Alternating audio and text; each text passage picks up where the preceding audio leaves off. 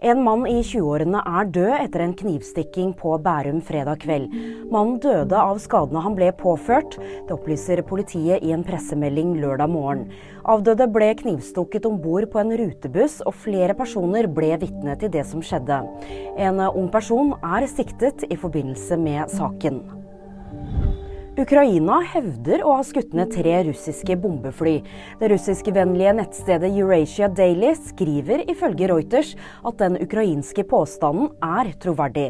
Det russiske militæret selv har ikke meldt noe om den angivelige nedskytingen. Tusenvis av flypassasjerer ble rammet av forsinkelser og innstillinger fredag.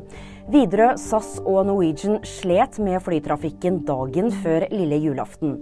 Widerøe hadde til sammen 21 kanselleringer pga. det dårlige været. Mer om dette og flere andre nyheter finner du alltid på VG.